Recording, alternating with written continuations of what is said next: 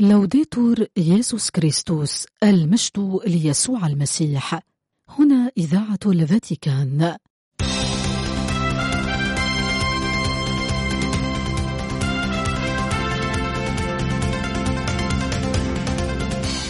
مستمعين الأحباء تحية طيبة من القسم العربي في إذاعة الفاتيكان.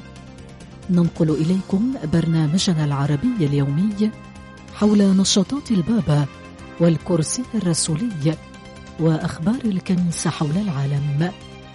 يمكنكم الاستماع إلى برامجنا والاطلاع على آخر الأنباء عبر الإنترنت على الموقع vaticannews.va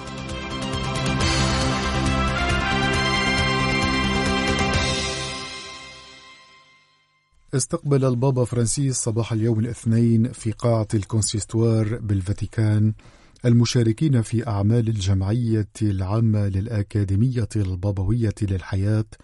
يتقدمهم رئيس هذه الأكاديمية المطران فينشينسو باليا.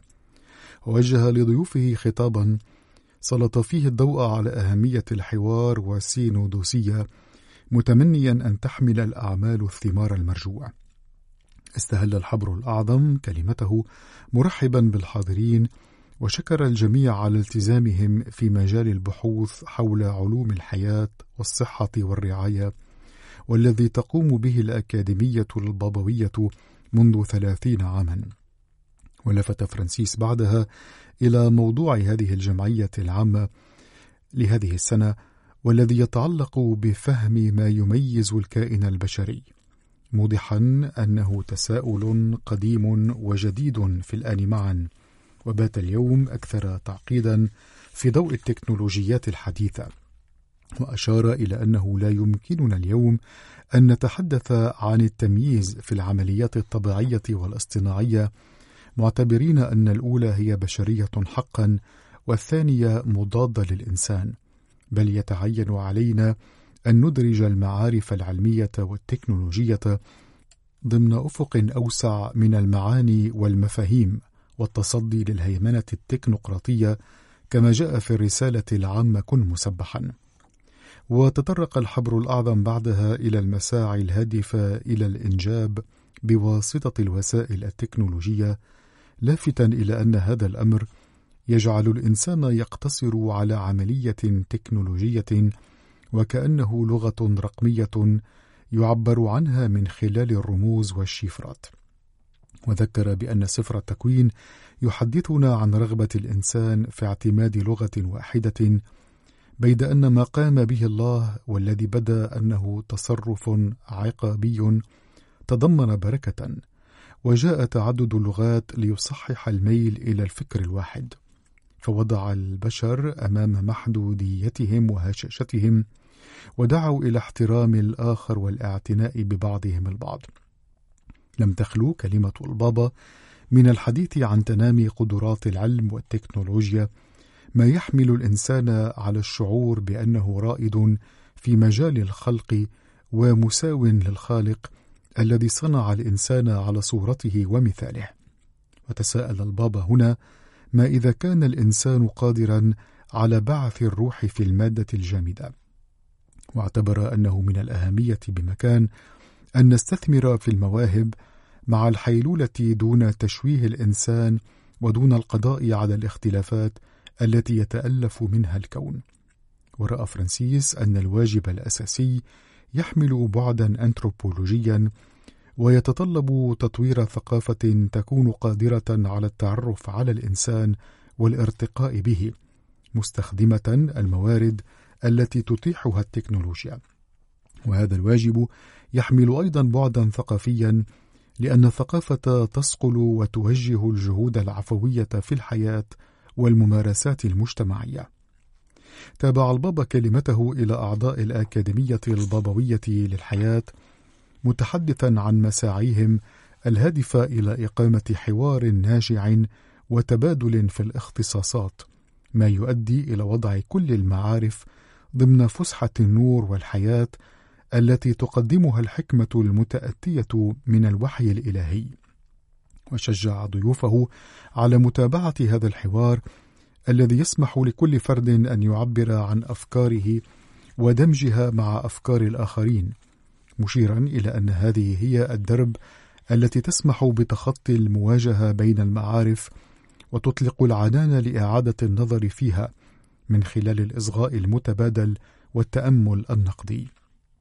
هذا ثم لفت الحبر الأعظم إلى نمط ثان يميز أعمال الجمعية العامة، ألا وهو السينودوسية، التي هي ملائمة جدا من أجل التعامل مع المواضيع والقضايا التي هي في محور رسالة الأكاديمية البابوية للحياة. وقال إنه نمط متطلب لأنه يقتضي اهتماما وحرية وانفتاحا على السير في دروب مجهولة لم تكتشف بعد. مضيفا أنه يتعين على الأشخاص الملتزمين في تجدد الفكر بطريقة جادة وتماشيا مع الإنجيل أن يضعوا موضع شك الآراء المكتسبة والمسلمات التي لم تخضع للامتحان النقدي. في هذا السياق لفت البابا فرانسيس إلى أن المسيحية قدمت دوما إسهاما هاما وأخذت من كل ثقافة انخرطت فيها التقاليد التي لديها جوهر وأعادت تفسيرها في ضوء العلاقة مع الرب كما هي في الإنجيل مستفيدة من الموارد اللغوية والمفاهيم الخاصة بكل سياق. واعتبر أن هذه المسيرة تتطلب فكرا قادرا على معانقة أجيال عدة. تماما كمن يغرس شجرة ويعرف أن الأبناء سيأكلون من ثمارها أو من يبني كاتدرائية ويعلم أن الأحفاد سيكملون بناءها. في ختام كلمته إلى المشاركين في أعمال الجمعية العامة للأكاديمية البابوية للحياة، سأل البابا فرانسيس الرب أن يمنح الجميع عقلية منفتحة ومسؤولة ووديعة تجاه الروح القدس الذي لا نعلم من أين يهب وإلى أين يذهب. هذا وتمنى الحبر الأعظم أن تكون أعمال الجمعية العامة مثمرة وخصبة ومنح الكل فيض بركاته الرسولية.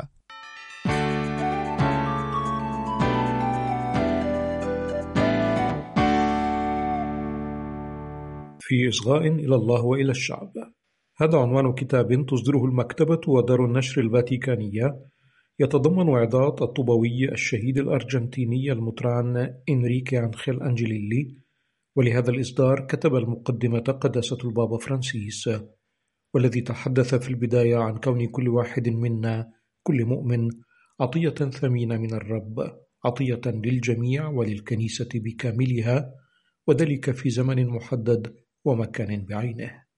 نحن جميعا حسب ما وصل الأب الأقدس عطايا ملموسة للجميع في بساطة الحياة التي نعيشها. وكلما كبرنا في صداقتنا مع الرب ومع الآخرين كلما خفت المصاعب والأمور القاسية أو بالأحرى كلما كفت عن أن تكون عقبة أمام الشركة. ووصل البابا فرانسيس الحديث عن كوننا جميعا عطايا مشيرا إلى أن الكنيسة ترى القديسين في الأشخاص الذين هم عطايا بشكل أوسع بشكل جامع ويعلن هؤلاء قديسين كي تصل حياتهم وصداقتهم إلى أشخاص وأماكن وأطر وأزمنة مختلفة عن تلك الأكثر قربا منهم. وقال قدسته إن القديسين هم أخوة يشبهون يسوع بشكل يجعل من الممكن أن يكونوا مرجعا أكيدا لجميع أبناء الله. وتبع الأب الأقدس أن الطوبوي الشهيد أنريكي أنخيل أنجليلي كان ويظل عطية من الرب للكنيسة في الأرجنتين وذلك كي نكون أكثر التصاقا بالآب وبالأخوة أكثر تشابها مع يسوع وأكثر اتحادا فيما بيننا كأخوة وأخوات. ثم تحدث قداسة البابا عما ميز الطوبوي أنجليلي من حرية كبيرة ومحبة عظيمة لكل شخص. لقد كان أسقفا كاثوليكيا بالفعل قال الأب الأقدس حيث كان متحدا بالكنيسة الجامعة في إصغاء وطاعة بنوية للبابا وفي التزام عنيد من أجل تطبيق توجيهات وتحفيزات المجمع الفاتيكاني المسكوني الثاني. وتابع البابا فرانسيس واصفا بالجميل جدا بل بالمؤثر أسلوب الطوبوي أنجليلي في سرده للمؤمنين لقاءه مع البابا بولس السادس خلال زيارة الأعتاب الرسولية. وبالحماسة ذاتها واصل قداسة البابا نقل الطوبوي الشهيد نتائج اللقاء والرسائل التي تلقاها من روما. وفي الوقت ذاته ورغم المخاطر والمخاوف والتهديدات واصل الطوبوي مهمته كراع لقطيع عليه أن ينشر محبة الله. توقف البابا فرانسيس بعد ذلك عند الاستشهاد فقال إن الشهيد يشهد على أنه في حال كان القلب والعقل في الله. تنتج عن هذا تصرفات مثل المحبة الصادقة للجميع ورفض السعي لتحقيق مصالح خاصة أو من أجل حياة مريحة بينما تكون على المحك حقوق وحياة الأشخاص الأكثر ضعفا وتهميشا من هم في الضواحي. وتابع البابا فرانسيس مشيرا إلى أن المطران إنريكي أنخيل أنجيليلي وأيضا عظاته التي يجمعها هذا الكتاب يمكن أن يكون ينبوعا للاستلهام والنمو في تمييز إنجيلي للتحديات والأوضاع التي يدعى كل واحد منا إلى عيشها في الكنيسة أو في الحياة المهنية أو العائلية. لقد كان المطران أنجليلي أيضا راعي الأشخاص البسطاء قال قداسة البابا فرانسيس وقد ثمن التقوى الشعبية المرتبطة بأماكن وأزمنة واحتفالات تلك الأرض وذلك الشعب وذلك من أجل تعزيز التصاق الشعب في وحدة وتضامن بالمسيح وبالكنيسة الأم.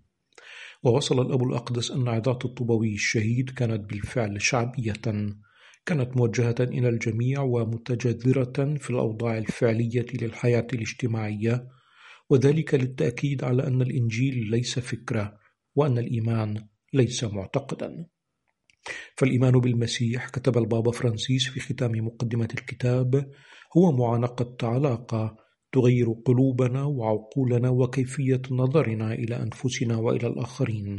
فالإنجيل يعني أن ينظر إلينا وأن ننظر نحن بمحبة.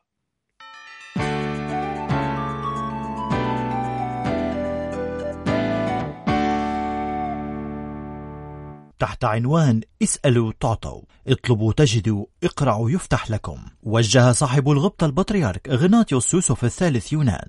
بطريرك السريان الكاثوليك الإنطاكي رسالة بمناسبة زمن الصوم.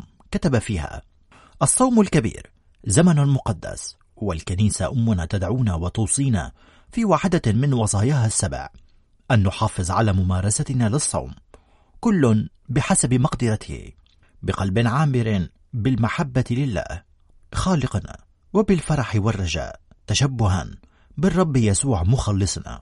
الصوم لكونه انقطاعا عن الطعام لفترة محددة من اليوم تمتد من منتصف الليل حتى الظهر. ثم قطاعة تقوم على الاكتفاء بتناول الأطعمة الخالية من المنتجات الحيوانية. فهو مسيرة روحية تحثنا على النظر بصدق في نهج حياتنا على ضوء تعاليم الإنجيل المقدس. على مدى أربعين يوما نستعد فيها لاستقبال عيد قيامة الرب.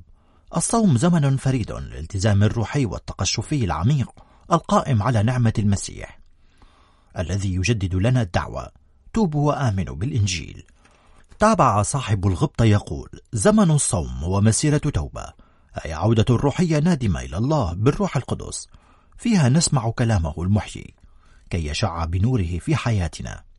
فنكتشف نقائصنا وخطايانا ونتوب بالنقاوة والوداعة ونعقد العزم على التغيير. وكما اقتضى الروح القدوس ربنا يسوع المسيح إلى البرية ليصوم أربعين يوما ويجرب من إبليس ويختم صومه بانتصاره الرائع على المجرب. هكذا يقود الروح الكنيسة في الزمن ويرافقنا ويهدي خطانا في الصحراء هذا العالم.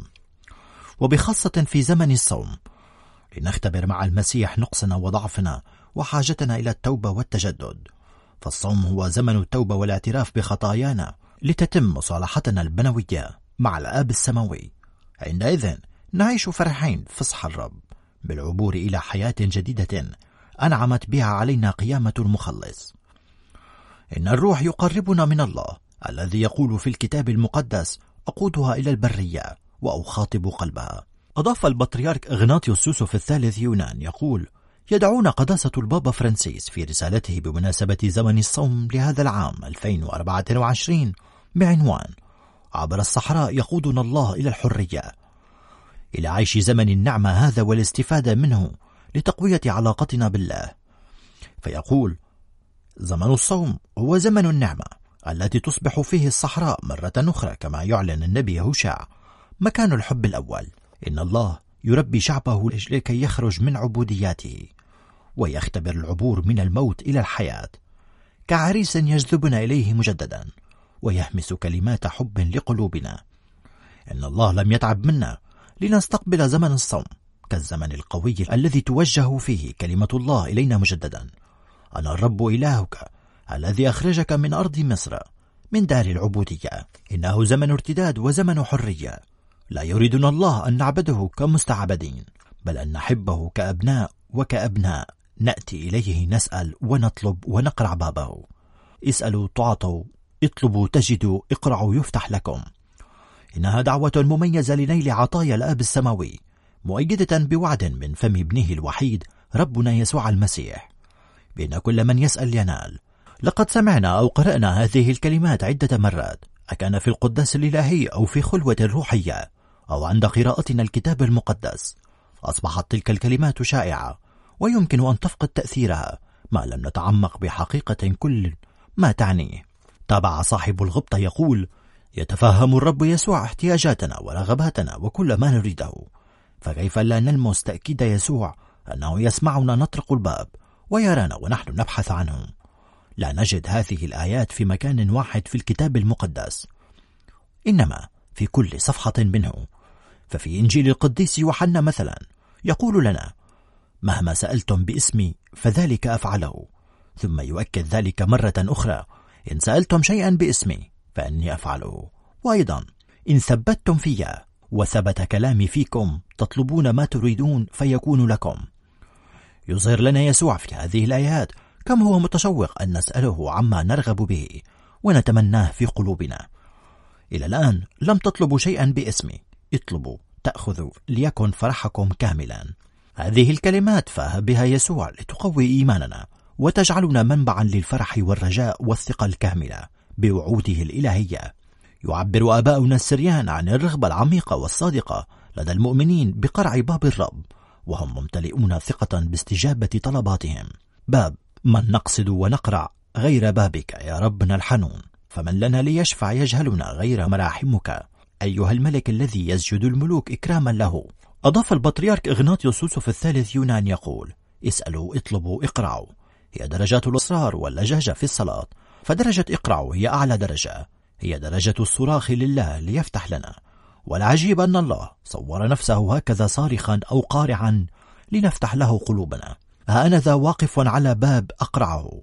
فإن سمع أحد صوتي وفتح الباب دخلت إليه وتعشيت معه. وتعشى معي. فإن كان المسيح يقرع هكذا على أبواب قلوبنا أفلا نثابر ونقرع ونصلي إليه بإلحاح؟ الله نفسه يدعونا أن نطلب ولأنه الخير المطلق. يود أن يمنح خيراته وعطاياه للمؤمنين به وبقدرته ومحبته الفائقة الوصف يقول القديس أغسطينوس ولكي تفهم ما يقصد بالسؤال والطلب والقرع ونفترض وجود رجل أعرج فمثل هذا يعطى أولا الشفاء. أي القدرة على المشي. هذا ما قصده الرب بالسؤال. ولكن ماذا ينتفع بالمشي؟ أو حتى بالجري إن استخدمه في طريق منحرف. لذلك فالخطوة التالية هي أن يجد الطريق المؤدي إلى الموضوع المطلوب. هذا ما قصده بالطلب. لكن ما المنفعة إن صار قادرا على المشي وعرف الطريق بينما كان الباب مغلقا؟ لهذا يقول اقرعوا تابع صاحب الغبطة يقول فإن كان من لا يرغب في العطاء قد أعطى بسبب اللجاجة فكم بالأكثر يعطي ربنا الصالح الذي يحثنا على الطلب منه؟ قد يبطئ الله في الاستجابة والعطاء لكي نقدر قيمة الأشياء الصالحة وليس لعدم رغبته بذلك. فما نشتاق إلى نيله بجهد ومثابرة نفرح جدا عندما نحصل عليه. أما ما نناله سريعا فنحسبه شيئا زهيدا بحسب العادة. يطلب المحتاج ممن يقدر على مساعدته. فإذا كان القادر محبا للعطاء فإنه يعطيه بسرور وبلا تردد. أما ما يفوق ذلك فهو أن يسعى القادر نحو المحتاج داعيا إياه أن يطلب وبلا حدود. واعدا إياه بأنه مهما سأل سوف يأخذ وينال. فهكذا أحب الله العالم حتى إنه على أتم الاستعداد أن يعطي وبلا حدود. إلى درجة أنه بذل ابنه الوحيد لأجل خلاصنا. إنه عطاء المحبة الذي يفوق كل توقعات المحتاج الذي يطلب ويسأل. أضاف البطريرك إغناطيوس يوسف الثالث يونان يقول الله يريد منا أن نطلب الأشياء التي لا تفنى. لا تلك الفانية. يريد منا أن نبتغي محبته كي تعمل فينا بقوة. فتزداد معرفته في عقولنا ومحبته في قلوبنا. لنحظى بميراث الملكوت الأبدي. يريد منا أن نطلب القوة والمعونة لنغلب الشر والخطيئة. أن نطلب الامتلاء بالروح القدس طوال مسيرتنا على هذه الأرض. فتفيد فينا مواهبه وعطاياه لمنفعة ذواتنا وإخوتنا. والرب يسوع نفسه يؤكد حصولنا على هذه المواهب عندما نسأل أو نطلب من الآب باسمه أو منه هو مباشرة أو من الروح القدس باسمه. وهكذا ندرك أهمية الصلاة في حياتنا فهي تقوي علاقتنا بالله وتزيدنا بالفضائل وتعزز خدمتنا لأجل ملكوت الله كما توطد علاقاتنا بإخوتنا وأخواتنا وتؤول إلى بنيان الكنيسة فالصلاة ليست فروضا نؤديها بلا روح ولا عاطفة بل هي مناجاة الأبناء إلى أبيهم السماوي. مصدر الخير والبركة وهي نمو مستمر في محبته واغتناء من روحه القدوس. تابع صاحب الغبطة يقول وها هو القديس ماروفرام السرياني ملفان الكنيسة الجامعة يؤكد على خصائص الصلاة المقبولة لدى الله. فليكن فمك مجمرة أي مبخرة ولتكن شفتاك رائحة ذكية بخورا. وليكن لسانك شماسا فيرضي الألوهة. هذا ما علينا أن نعيشه في زمن الصوم الكبير. فنعمل على تجديد علاقتنا بالله من خلال الصلاة والصوم وأعمال التوبة. وعلى التجديد علاقتنا بالقريب من خلال القيام بأعمال الخير والمحبة والرحمة. فزمن الصوم وزمن العمل وفي زمن الصوم الأربعين. العمل هو أيضا أن نتوقف لنصلي ولنتقبل كلمة الله مثل السامري أمام أخينا الجريح محبة الله. ومحبة القريب هي محبة واحدة. نقف في حضرة الله ومع قريبنا. أمام أخينا الجريح محبة الله ومحبة القريب هي محبة واحدة. نقف في حضرة الله ومع قريبنا. على حد قول قداسة البابا فرانسيس في الرسالة عينها بمناسبة زمن الصوم 2024 إن الصلاة والصوم والصدقة ليست ثلاث أعمال منفصلة. بل هي فعل إيماني واحد إنها انفتاح على الآخر وتجرد مما في داخلنا. للمثول أمام الله وعيش الأخوة مع الآخرين. أخوة نابعة من إيماننا المسيحي وليست مجرد تضامن بشري مع الإنسان المهمش. وختم البطريرك إغناطيوس يوسف الثالث يونان بطريرك السريان الكاثوليكي الأنطاكي رسالته بالقول أيها الأحباء لنسعى في هذا الصوم ألا تكون توبتنا توبة تحزن يسوع. فهو يقول لنا لا تعبسوا كالمرائين فإنهم كلحون وجوههم ليظهر للناس أنهم صائمون. بل ليرتسم الفرح على وجوهنا ولينفح منا عطر الحرية. ولنطلق صراح الحب الذي يجعل كل شيء جديدا. ولنبدأ بأصغر الأمور وأقربها. ختاما نسأل الله أن يتقبل صومكم وصلاتكم وتوبتكم وصدقتكم ويؤهلنا جميعا لنحتفل بفرح قيامته من بين الأموات. ونمنحكم أيها الإخوة والأبناء والبنات الأعزاء بركتنا الرسولية عربون محبتنا الأبوية. أعطنا ربي قبل كل عطاء أن نحط التفاتة في سناك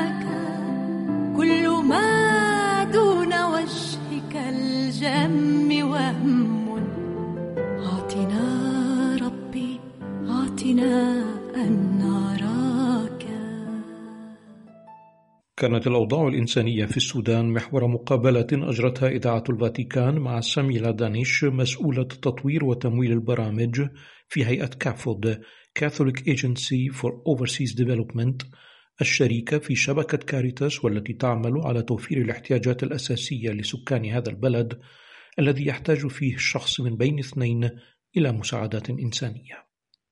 وتشير البيانات إلى أن النزاع الذي اندلع في السودان عشرة أشهر مضت قد أسفر عن موت ما لا يقل عن 12 ألف شخص ولجوء ونزوح أكثر من عشرة ملايين شخص.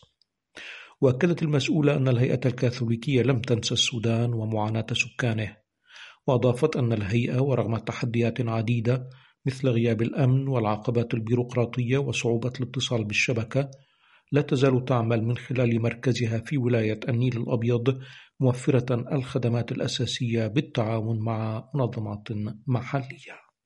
وأشارت السيدة ساميلا دانيش في حديثها إلى أن الفقر قد سجل أرقاما قياسية في هذا البلد حيث بلغت أعداد من يحتاجون إلى مساعدة إنسانية خلال العام 2024 24 مليونا وثمانمائة ألف شخص أي نصف السكان تقريبا وذلك بزيادة بلغت تسعة ملايين شخص مقارنة بعام 2023 وتشمل الاحتياجات العاجلة الطعام والماء والسكن الوقود والتعليم والخدمات الصحية.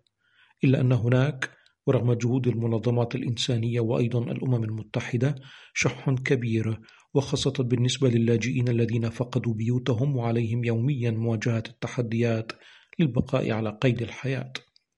ومن بين ما سلطت عليه مسؤولة الهيئة الكاثوليكية الضوء شعور سكان السودان بأنهم لم يعودوا محط أنظار العالم وأن الدول المنطقة والجماعة الدولية قد قررت ترك بلدهم بمفرده كما وأعربت عن التشاؤم فيما يتعلق بإمكانية بلوغ سلام سريع.